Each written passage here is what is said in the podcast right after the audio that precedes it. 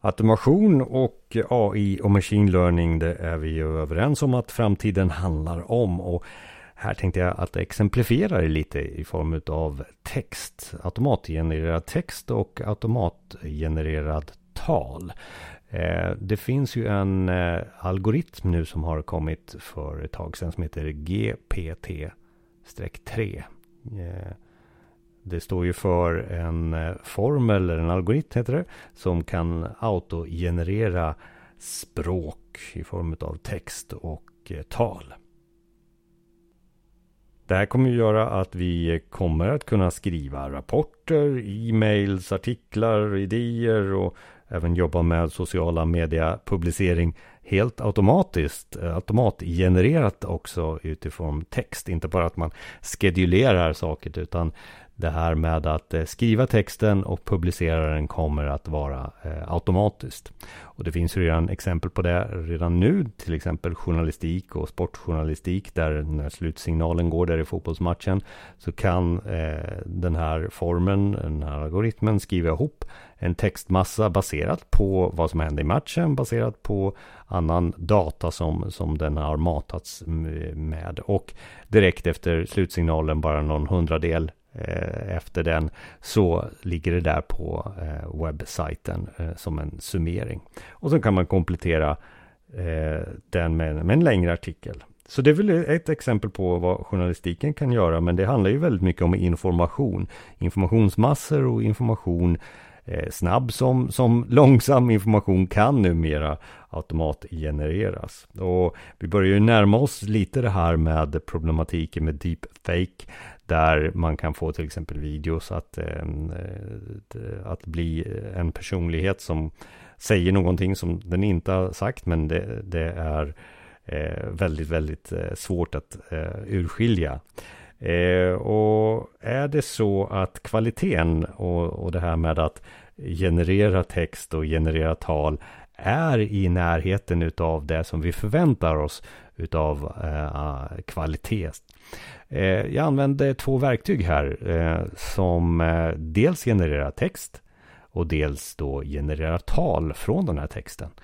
Eh, jag använde eh, Ryter till att skapa den här texten rytr rytr.me eh, eh, eh, och sen så använde jag eh, den, när jag hade gjort texten så kunde jag använda mig av ett annat verktyg i en annan sajt som heter play.ht.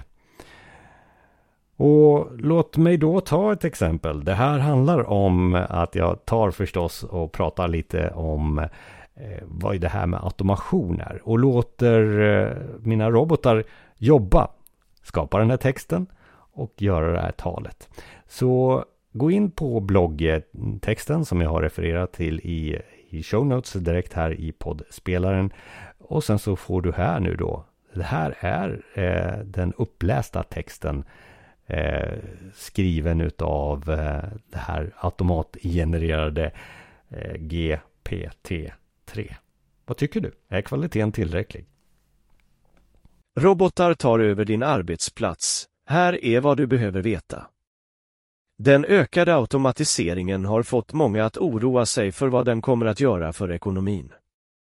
Många experter och politiker har kommit fram med sina åsikter om frågan men det finns ännu ingen enighet. Det finns många olika åsikter om vad detta kommer att betyda för samhället. Vissa tror att det kommer att skapa ekonomisk tillväxt och andra är säkra på att vi bör vara försiktiga med det negativa detta kan leda till. Framtiden är oklar, för även om det finns mycket bevis för båda sidor, vet ingen riktigt vad som kommer att hända härnäst. Varför tar robotar över kontor? AI-assistenterna kan göra de repetitiva, tråkiga uppgifterna som människor inte tycker om. Detta gör att människor kan fokusera mer på de uppgifter som kräver kreativitet och känslomässig förståelse. Detta betyder inte att dessa AI-assistenter kommer att ersätta mänskliga jobb. De frigör bara den tid och den mentala energi som krävs för uppgifter på låg nivå, vilket kan vara särskilt användbart i en snabb miljö som ett kontor.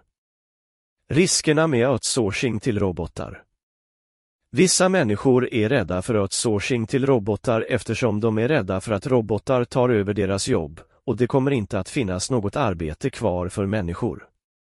Men de jobb som robotarna kan göra kan skapa nya jobb för människor som är mer skickliga i vad de gör.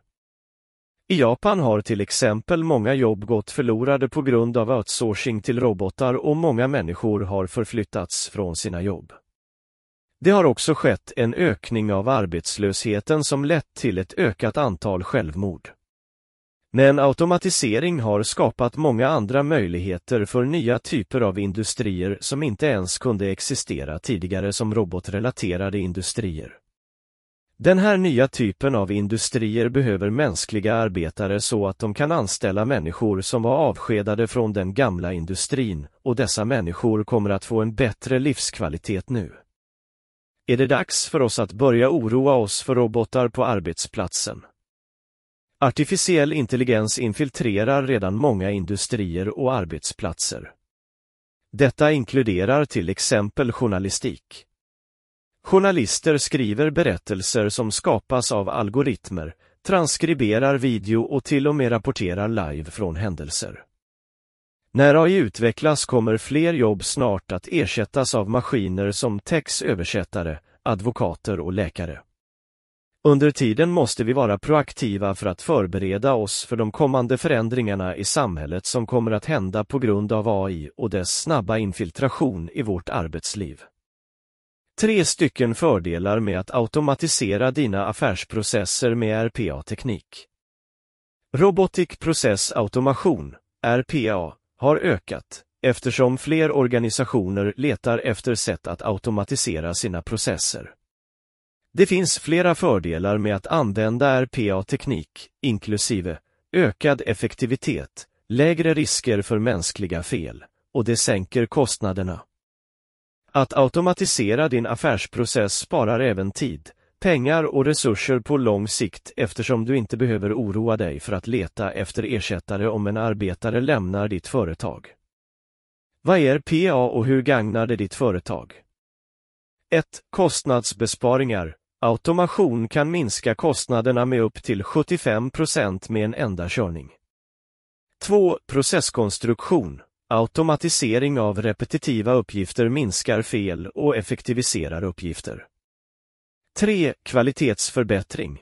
RPA leder till en ökad kvalitet på produktionen, vilket gör processen mer exakt, förutsägbar, konsekvent och pålitlig.